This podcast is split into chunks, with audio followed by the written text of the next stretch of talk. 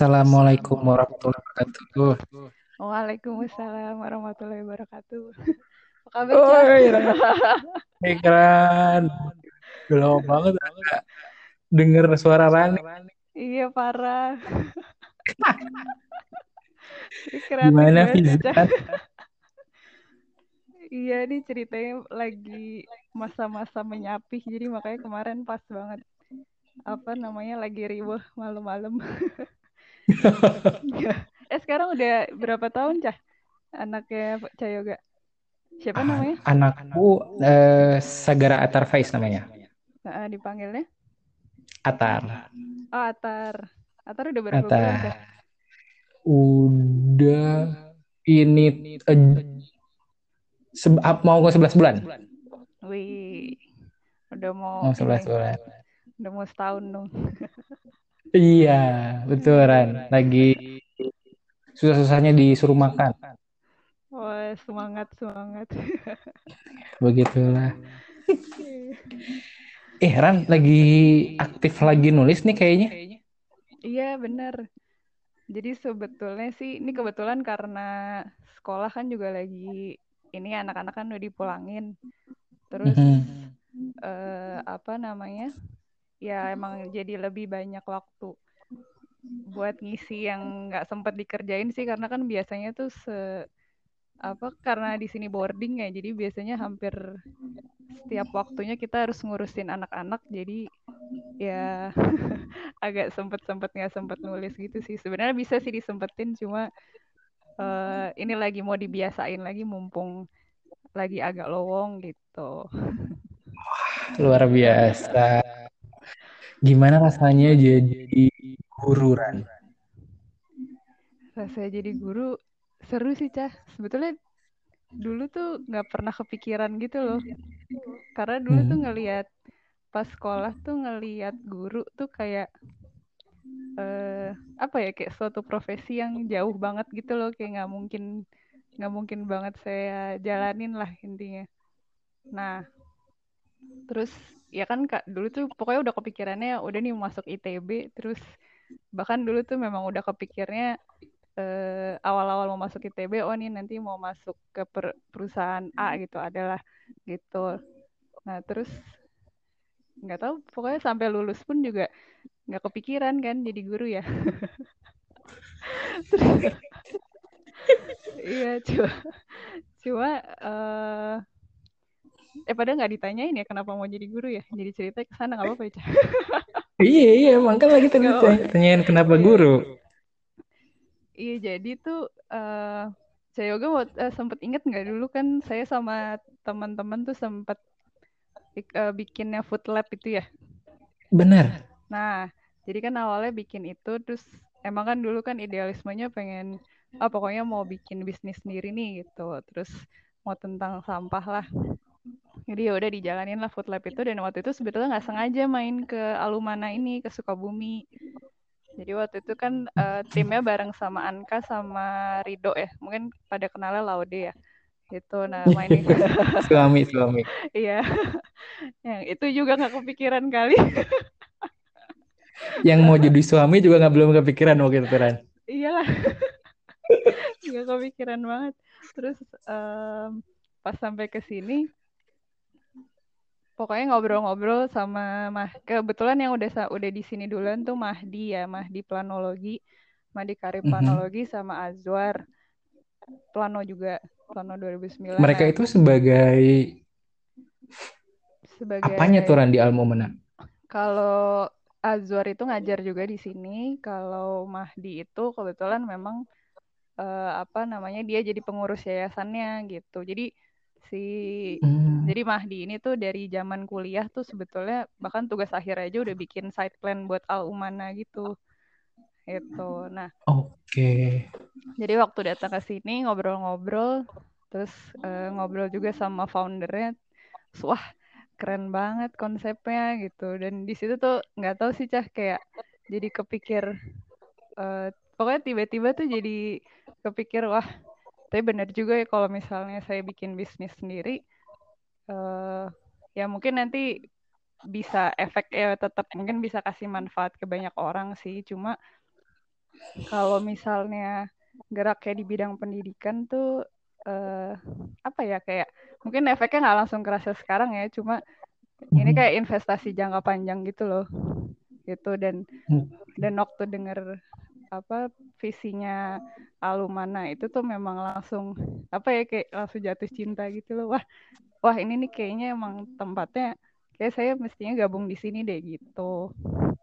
Jadi awalnya boleh di share nggak Turan? Apa, tuh visinya si si Alumana ah, Alumana hmm. Alumana jadi uh, konsep pendidikannya Alumana itu pokoknya ada lima nih Ca. Jadi yang pertama tuh kan um, apa membina uh, akidah anak-anak ya. Jadi uh, ya jadi kan prinsipnya maksudnya kalau bela belajar ya Islam yang teorinya aja gitu kan sebetulnya dia jadi nggak uh, apa ya tidak paham. Jadi dan sebetulnya juga kan saya pada waktu itu tuh juga memang bukan yang bukan yang udah jago di bidang di agama juga ya cah yang maksudnya kan di jadi zaman kuliah juga kan saya juga biasa-biasa aja kan saya gitu.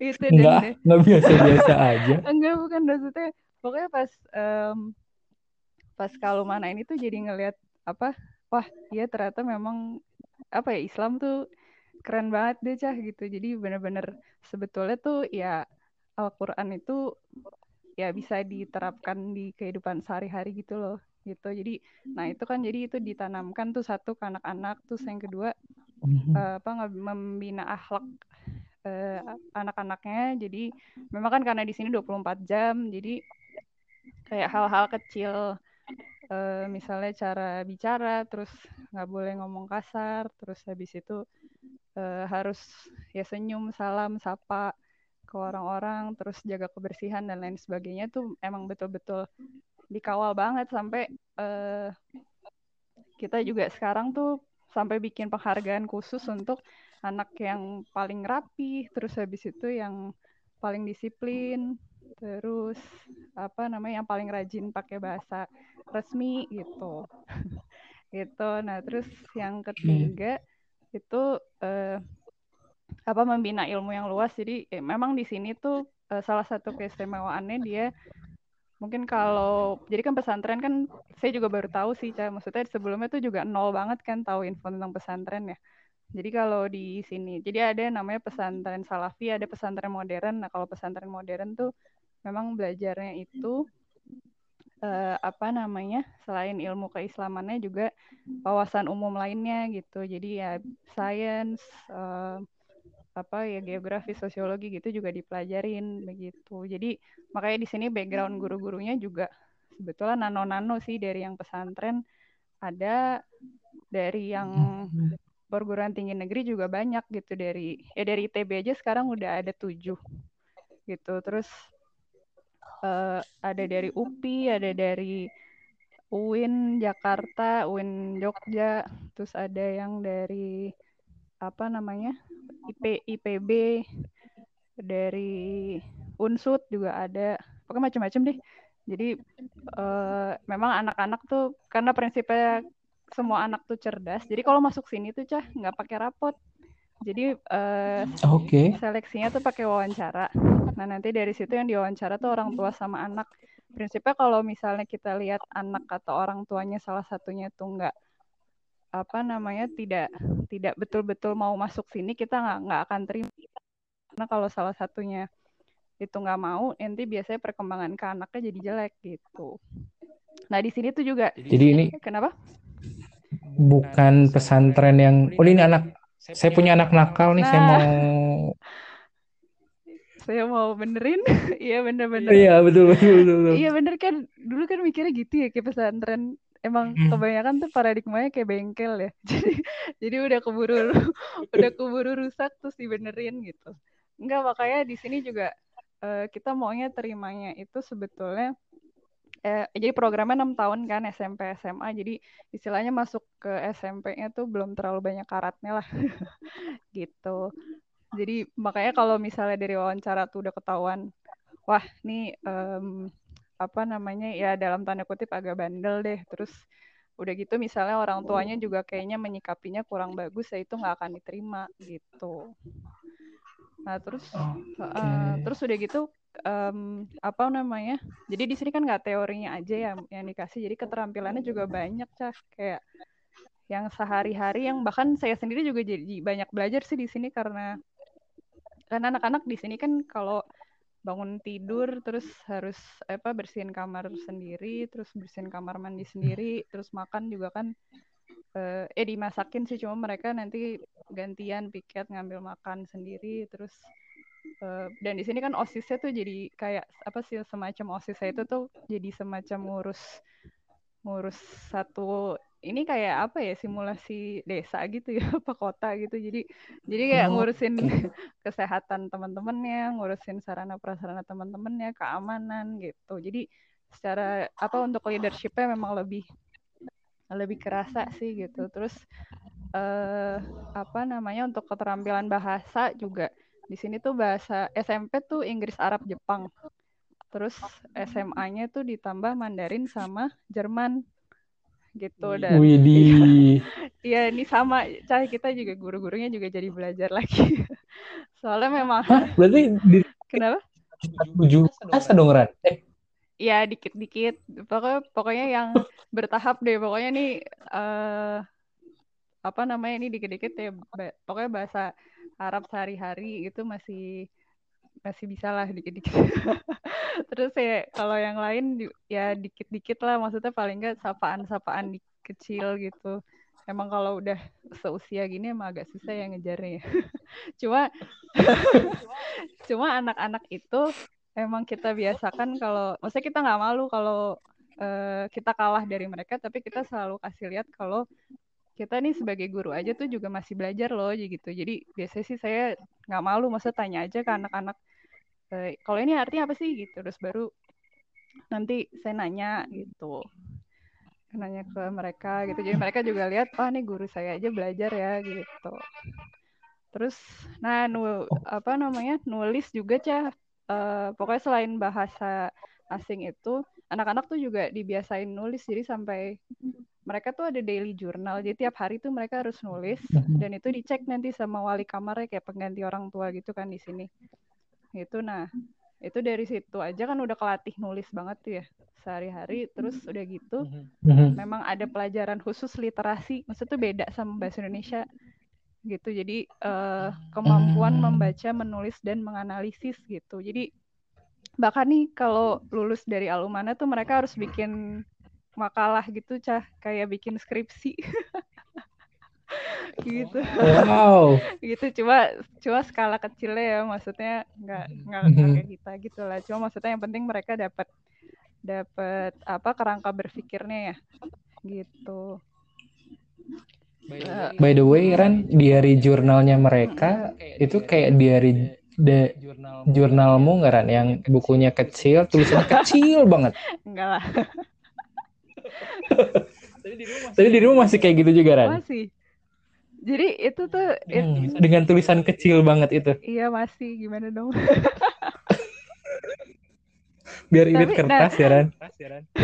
lumayan sih. Tapi itu selalu jadi saya jadiin contoh gitu loh, Cik. Jadi pokoknya saya selalu apa namanya uh, sering ngewanti-wanti anak-anak kan pokoknya apalagi kalau soal catatan catatan apa harian kayak to do list gitu terus agenda gitu tuh saya paling bawa eh paling bawel lah. Eh kamu ada agenda nggak? gitu misalnya lupa gitu. Iya nih lupa dikerjain. Hmm. udah ditulis belum di to do list gitu. Pokoknya nih ini lihat nih uh, nih saya tuh punya agenda nih dari SMP nih kayak gini nih. Saya oh iya. Wah gitu lumayan bisa jadi ini cantik jadi contoh contoh ya Ran keren juga iya by the way di sana mm-hmm. perbandingan siswa dan gurunya berapa kan? Uh, jadi maksimalnya itu nanti ke depannya kita maunya satu banding 10 maksimal, tapi kalau sekarang masih satu banding lima. Mm-hmm. Sekarang Oke. Okay. Sekarang tuh jumlah muridnya 240-an ya. Mm-hmm. Mm-mm. Gitu. Jadi memang uh, jadi tuh anak-anak tuh jadi kan mereka satu kamar tuh 10 sampai 12 anak. Nah, itu ada satu wali kamar kayak pengganti orang tuanya gitu di sini. Oke. Okay. Terus di kelas juga ada wali kelas, jadi pengawalannya double lah. Begitu. Dan di sana dirimu ngajar apa, Ran? Di sini ini uh, yang ITB ITB sih biasanya kita pegangnya yang exact science ya. Jadi kalau saya itu uh, apa bantu di Olimpiade IPA, Olimpiade Biologi, terus sama ini literasi juga cah karena saya ada ketertarikan hmm. menulis jadi bantu di literasi khususnya yang literasi SMA sih. Karena bikin apa namanya karya tulis ilmiah soalnya mereka. Sama ini. Widi sama apa namanya dapat emang dapat amanah khusus. Jadi kan di sini selain ngajar kita eh, apa ngelola juga ya. Ngelola. Nah kalau saya dapatnya hmm. bidangnya bidang budaya lingkungan. Jadi ngurusin eh, apa namanya ya lingkungan kayak sampah terus kebersihan terus um, apa namanya kalau budayanya juga tam itu tambahannya sih kayak itu kan maksudnya kalau manajemen ngurusin sampahnya kan nggak ya gampang lah ya. Tapi kan yang susah tuh nanti membiasakan ke anak-anaknya gitu. Hmm. Kalau si food food labnya sendiri berarti emang udah nggak ada atau dia terabsorpsi sama-sama al Umana? Jadinya udah kita merger aja sih gabung. jadi udah nggak ada. Jadi itu sekarang. Oke. Okay. Jadi itu memang jadi karena di sini tuh uh, salah satu keterampilan yang memang anak-anak perlu bisa itu agribisnis juga cah. Jadi uh, di sini kan lahannya luas banget ya 6 hektar ya. Jadi kalau wow. jadi memang uh, dan kita lihat visi ke depannya tuh maksudnya selain anak-anak perlu bisa bahasa asing karena kita akan bertarung dengan dunia internasional terus salah satunya juga soal pangan tuh kan sebetulnya juga udah jadi hal yang urgent ya karena kan kita impor dan lain sebagainya jadi anak-anak tuh perlu punya wawasan itu jadi gimana caranya ngolah uh, bahan dari hulu ke hilir gitu jadilah si food lab ini tuh kan sebetulnya kan dia apa gimana caranya buat ngolah limbah makanan itu. Nah, jadi sekarang kita mhm. yang udah jalan tuh ya peternakannya. Ya kan peternakan pertaniannya terus eh, apa salah satu yang pro, eh, si lelenya ini kan udah jadi produk tuh. Nah, nanti kita ke depannya sih pengennya nanti si apa ada ada lagi nanti unit khususnya emang ngurusin limbahnya khusus nanti diolah jadi apa gitu. Kalau sekarang sih masih sebatas ya limbah kebun tuh kita ya ada manajemennya untuk ngolahnya jadi kompos gitu. Tapi maksudnya belum belum apa belum ada tim khususnya sih gitu. Jadi kita pengennya memang oh. membangun siklus itu sih. Kalau kayak apa bikin kan dulu kan saya juga sempat nyoba tahu black soldier flies nggak cah Yes, yes, ya yes, itu. Yes, nah, yang silalat. Ya silalat itu. Nah itu kita juga sekarang uh, masih skala riset di sini gitu. Jadi prinsipnya sih pokoknya semua yang kita coba di sini itu dibarengin sama anak-anak gitu. Jadi uh, apa mereka juga sekalian bisa dapat ilmunya gitu. Jadi uh, ya nanti yang bisa betul-betul udah skala produksi itu berjenjang gitu sih. Kalau sekarang sih baru sih olahan lele itu kuri itu mungkin pernah Kuri food itu ya. food itu betul. By the way kemarin kayaknya baru menang sesuatu. ya Ran? Iya betul alhamdulillah. Nah, dari Jabar. itu? Dari Jabar betul. Jadi Pak Ridwan Kamil tuh bikin program One Pesantren One Product. Nah Aha. itu alhamdulillah sih itu dari ribuan pesantren kita lolos jadi salah satunya itu jadi pokoknya yang menang kan ada 10 pesantren ya ada 10 pesantren. Nah itu tapi bidangnya beda-beda. Nah untuk olahan hewani itu alumana yang menang gitu. Oke. Dapat dapat apa aja tuh Ren? Lumayan kita dapat tambahan modal sampai setengah m lah. Gitu. Jadi dan dan dapat akses lumayan banyak sih cah. Jadi eh, apa namanya dapat akses untuk belajar macam-macam gitu lumayan sih dan okay. dan ini sih memang apa namanya si unit kuri ini kan selain untuk praktek anak-anak tuh sebetulnya nanti kalau eh, banyak sih yang bilang kalau misalnya udah datang ke Alumana terus lihat konsepnya terus nanti eh, pas lihat SPP-nya wah kok murah banget ya gitu banyak yang bilang gitu nah, ah, nah itu sebetulnya jadi maksudnya jadi salah satu contoh kalau di sini tuh memang kita nggak ngambil profit sama sekali kalau dari sisi pendidikannya gitu jadi sebetulnya si kur ini juga salah satunya adalah bantu operasional untuk program pendidikan di Alumana gitu. Jadi Oke, okay. kalau tantangan Siku Refood sendiri sekarang apa tuh, Ran? Tantangannya kalau yang pertama kalau untuk olahan lele itu memang ternyata cukup banyak juga orang yang nggak suka makan lele ya. gitu. Jadi jadi uh, kita lagi riset untuk ikan lain gitu karena kan kebetulan kita juga ini apa sekarang di bawah binaan Kementerian Perikanan gitu. Jadi memang Oke. Okay. Waktu itu sempat lolos juga deh di semacam apa inkubasinya mereka. Jadi memang sampai sekarang masih dibina sama mereka. Jadi kalau apa kita lagi coba eskalasi untuk olahan ikan yang lain, terus juga apa namanya? Paling tantangan yang lain nih karena kita posisinya di Sukabumi ya, Cah ya. Jadi memang butuh eh, distribusi yang apa distribusi hmm. dingin ya kalau selama ini kan kita memang selalu rutin kirim ke Jabodetabek sama Bandung. Ini paling kerasa nih lagi ko hmm. lagi corona ini cah. Pusing ngirim ini ngirim stok. Tapi permintaan naik nggak sih Ran jadinya? Ya alhamdulillah sih. Cuma ya itu kita kita um. kendala ngirim stok sekali banyak ya itu karena kan bener-bener bis tuh pada stop terus kereta juga kereta ke Bogor juga udah nggak ada gitu jadi ya lumayan lah nih Logistik. logistiknya berarti ya iya bener logistiknya ya. gitu sekarang uh, sekarang sih memang lagi ngurus nah kenapa gimana gimana hmm, gimana, ya, gimana? sekarang sih kita juga kalau untuk tahapannya juga sedang tahapan mengurus Bepom Bepom supaya nanti bisa masuk supermarket gitu. Hmm. Jadi belum sekarang. Jadi belum sekarang belum masuk supermarket tuh. Belum, karena kalau masuk supermarket harus iya harus MD ya, uh, apa izinnya. Karena dia frozen okay. food okay. gitu. Emang dulu kenapa? Emang dulu kenapa awalnya milih lele? Kenapa awalnya milih lele? Karena di sini adanya lele. Jadi kita ternaknya lele. Hmm, jadi, emang karena udah ada duluan di alam pasti itu. Betul sekali.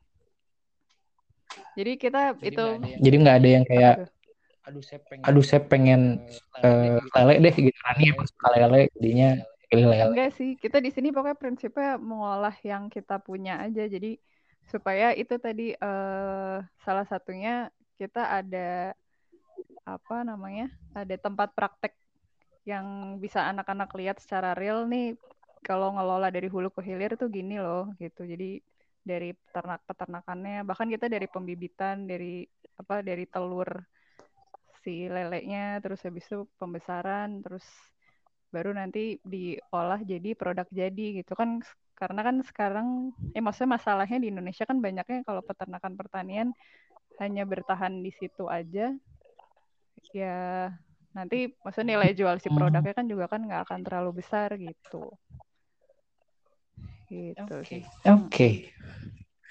masih suka gambar? Masih suka gambar nggak Ran? Uh, masih.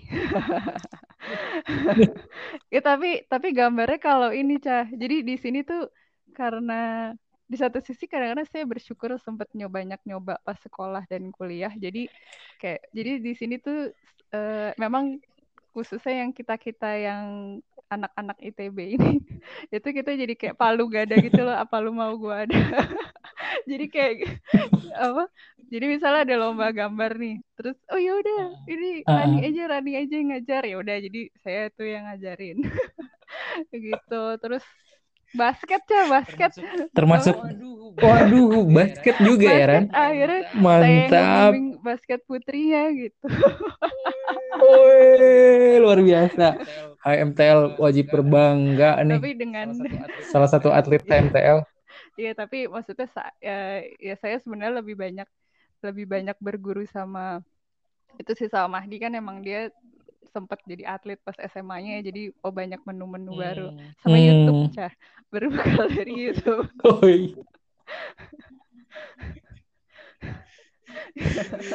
Aduh. Gitu. Kalau nari Jawa gimana Ran? Oh kalau itu udah enggak sih. Paling di sini sengajarin ngajarin nari saman ke pas mereka eh, apa ada pentas gitu.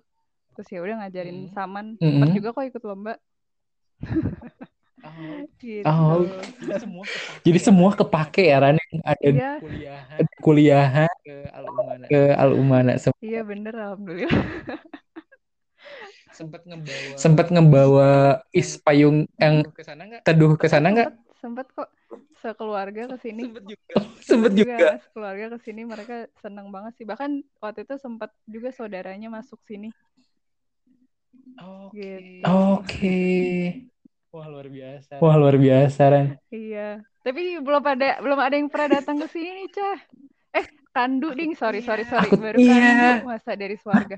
Kan Kandu pernah. Kandu pernah. Kandu waktu itu pernah ke sini karena kita lagi ada kesulitan air kan, terus butuh desain eh desain instalasinya. Nah, waktu itu Mhm. Kandu bantuin. Kandu ke sini. Dan Kandu yang gambar. Dan Kandu yang gambar desain Kandu juga. Yang memberikan rekomendasi gitu. Oh Iya. gitu. Keren juga si Kandu. Gak nyangka. Iya, ayo dong pada main ke sini. Udah banyak banget loh sebetulnya. Iya anak, pengen banget. Maksudnya anak ITB di sini udah lumayan banyak sih. Maksudnya sampai yang alumni-alumni itu juga alumni 70-an juga ada yang udah sampai ke sini. Terus eh, kita di sini juga ada apa namanya? pembangkit listrik tenaga surya itu yang bantu waktu itu pokoknya dari dosen elektro tapi timnya tuh ada anak ada anak plano, Nah. ada anak power gitu. Terus anak fis.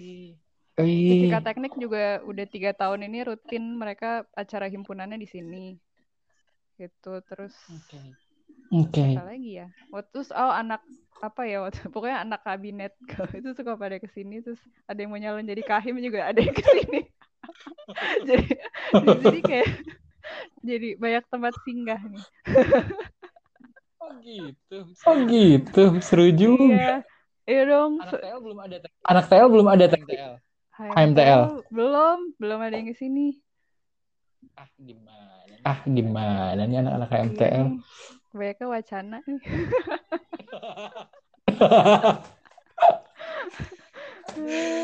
Aduh. Gila gila gila. Gila gila gila. Eh terakhir kamu ketemu sama anak-anak TL kapan Ran? Udah lama banget kayaknya deh, Cah. Soalnya saya tuh eh maksudnya di sini karena memang paling pulangnya itu pas anak-anak libur ya. Nah, itu Heeh. eh tapi di sini karena boarding ya, boarding pas anak-anak pergi kan kita juga tetap mesti piket di sini ya. Jadi memang waktu ke ke Jakartanya itu juga nggak terlalu banyak. Nah, itu juga apalagi sekarang udah apa orang tua orang tua saya sama Rido udah pada punya cucu baru jadi mau ke mana-mana juga nggak enak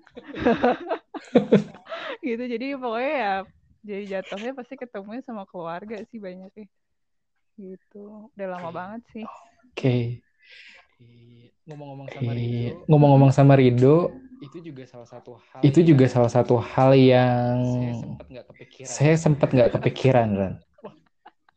Wah, maksudnya, maksudnya, wah ini Rani bukan Ran Rani nikah sama Rido nggak kepikiran ya, tapi lebih ke nikah nih gitu. oh Ran nikah nih gitu.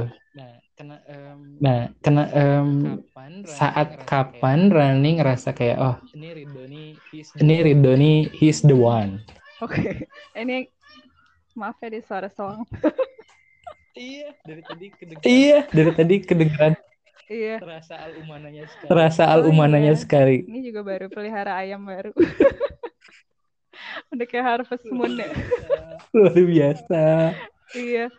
Apa ya? Pokoknya intinya sih sebenarnya ya saya sih sebenarnya nggak muluk-muluk ya. Yang penting emang sevisi, sevisi dan em, ya kebetulan maksudnya dalam dalam berproses sama-sama sama-sama ngebangun Alumana dan Sikuri di sini kan juga ya sedikit banyak juga jadi tahu kan kepribadiannya seperti apa gitu Mhm. dan apa eh ya itu sih pokoknya nggak nggak nggak terlalu memikirkan kriteria-kriteria macam-macam sih tapi yang penting memang sevisi gitu dan memang kerasa sih Ca. Maksudnya kalau ketika memang udah sevisi tuh nah begitu udah nikahnya tuh enak aja gitu. Enak aja maksudnya secara eh, untuk kompromi dalam satu dan hal- lain hal memutuskan sesuatu tuh juga nggak terlalu apa ya tidak terlalu ribet-ribet lah gitu gitu Oke, oke. Nah, terus juga Nah, terus juga Mm-mm. di baca nih Ran di salah satu blogmu kalau kalau Ami itu salah satu Ami itu salah satu apa apa ya ya gurunya dirimu. gurunya Hmm. dirimu. Nah, eh, terakhir Nah, eh, terakhir hubungan sama wah udah lama banget kayak sebelum lulus deh sebelum lulus belum eh sempat Sebelum ngajak lulus ke belum Alumana juga. sempat ngajak ke belum Alumana juga. belum benar Oke, oke, oke. Oke, oke, oke. Eh, Eh, eh, eh sih karena karena dia ada di blog aja jadi pengen oh oke ditanyain. oke Iya karena sempat nggak nggak Karena nggak nggak kelihatan nggak kelihatan di komunikasinya ya nggak kelihatan pas Iya, waktu di benar. kampus. Iya iya benar. sebetulnya waktu itu eh, apa sih namanya eh apa sih momennya waktu itu ya? Pokoknya memang sh- sharing rutin sama Ami sih di situ dan memang cukup apa ya cukup banyak dapat wawasan juga dari Ami gitu. Dan tapi maksudnya eh ya Ami adalah salah satu dari sekian banyak hal yang saya dapatkan di perjalanan hidup asik. Gitu. kalau empeu Dinta gitu, gitu-gitu, eh, mereka kan memberikan eh, mereka kan memberikan hal Oh positif juga. Tentu, saya tetap, aduh tuh di sini saya tetap diledekin sama makanan gimana? Nggak di mana-mana. Aduh, agak sedih ya. Terus udah gitu, udah gitu si Rido emang hobinya ngeledekin orang kan, terus jadi ya udahlah. Aduh. Pengen banget sih Ran ke Pengen banget sih Ran ke kemarin juga karena kemarin juga sempet mm-mm. Yang lain terus kayak eh, sama Dinta eh sama Dinta Iya si terus Dinta sama bilangnya mau ya? ke sini ke jadi-jadi Sama- mulu. Iya. Iya, ya semoga diberi iya, kesempatan semoga diberi kesempatan lah nanti Iya, kita siap, main ke sana. Ditunggu banget loh. Iya, amin amin. Eh, Iya, amin amin Aku amin. juga kan di Karena aku juga kan di sekarang Bandung juga sekarang satu grup hmm, sama satu grup sama ada sekolah juga, cuman ada sekolah juga, cuman memang mereka memang mereka aja sih, olah aja sih. namanya Edu Global School. Namanya Edu Hmm. Global School. tahu Aku nanti juga bisa pengen tahu. Siapa tahu nanti bisa dapat ilmu juga oh, dari boleh boleh. Itu berarti ba- eh, satu core sama EduLab berarti ya? Iya, benar. Hmm, Iya, di benar. Di, Ban- di Bandung. Di, Oh, di Ban- di Bandung. Kita ada di Bandung, Medan, Ah, sama iya, Cirebon. Mantap. Tuh, gitu sih. Iya, boleh banget, Cah. itu sih. Soalnya ya pokoknya kita prinsipnya kalau ada yang ke sini ya tukeran ilmu lah kita gitu. Dan nanti pokoknya Cah Yoga kalau ke sini ya berarti eh, nanti Cah Yoga juga mungkin kita kasih kesempatan untuk ngomong ke anak-anak apa gitu, sharing ke anak-anak. Asyik. Ah, Asik. Stand up Eh, comedy jangan ya. salah, stand up comedy kita. Stand up comedy kita kemarin menang juara satu sekabupaten. Luar biasa. Terus saya Hah? yang ngelatih Luar biasa. Aduh. Aduh. Iya. Oh, iya iya iya. iya. Oh, iya iya iya iya. Kocak Iya, juga nih. seru deh. Kadang-kadang saya suka merasa eh, kehidupan sehari-hari saya kadang seperti sitkom.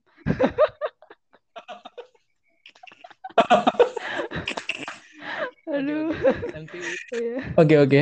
Nanti Mbak Juri Bapak di- bikin ketawa Nah, bajuri di bagian. Aja. Eh, Han, eh, Hmm. Eh, Han, eh kalau kalau pengen eh apa kan di pengen eh apa kan di Koar ini tuh Hmm. Koar ini beberapa tuh yang kita udah ada beberapa orang sih yang kita Mm-mm. wawancara. Nah, kalau dari misalnya di remove pengen denger dari siapa lagi nih? Pengen dengernya dari Afi deh boleh dari lagi di Banyuwangi ya Afi ya Oh iya iya iya. Oke oke oke. Oh Kemarin iya iya sempat, iya. Oke oke oke.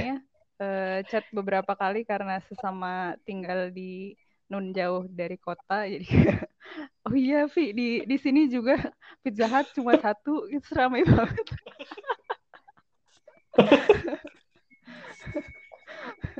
Oke oke. Gitu. Sama-sama. Oke oke oke. Sama-sama iya benar wirausaha lagi ya. Wirausaha juga Mhm. Oke deh kalau gitu. Gitu, oke Oke deh kalau gitu. Thank you banget Ran waktunya. Ya, Thank you banget, Ran, waktunya. ngobrol-ngobrolnya Iya.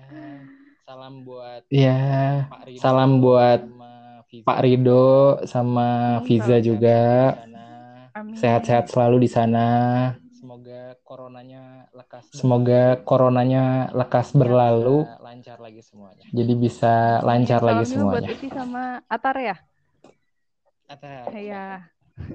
Atar, Semangat ya. Siap. Siap. Betul, Ramadan tinggal sedikit lagi. Betul betul Ramadan tinggal sedikit lagi. Aduh. Ya sudah kalau begitu. Terima kasih banyak. Ya sudah kalau begitu. Terima kasih banyak. Assalamualaikum warahmatullahi wabarakatuh.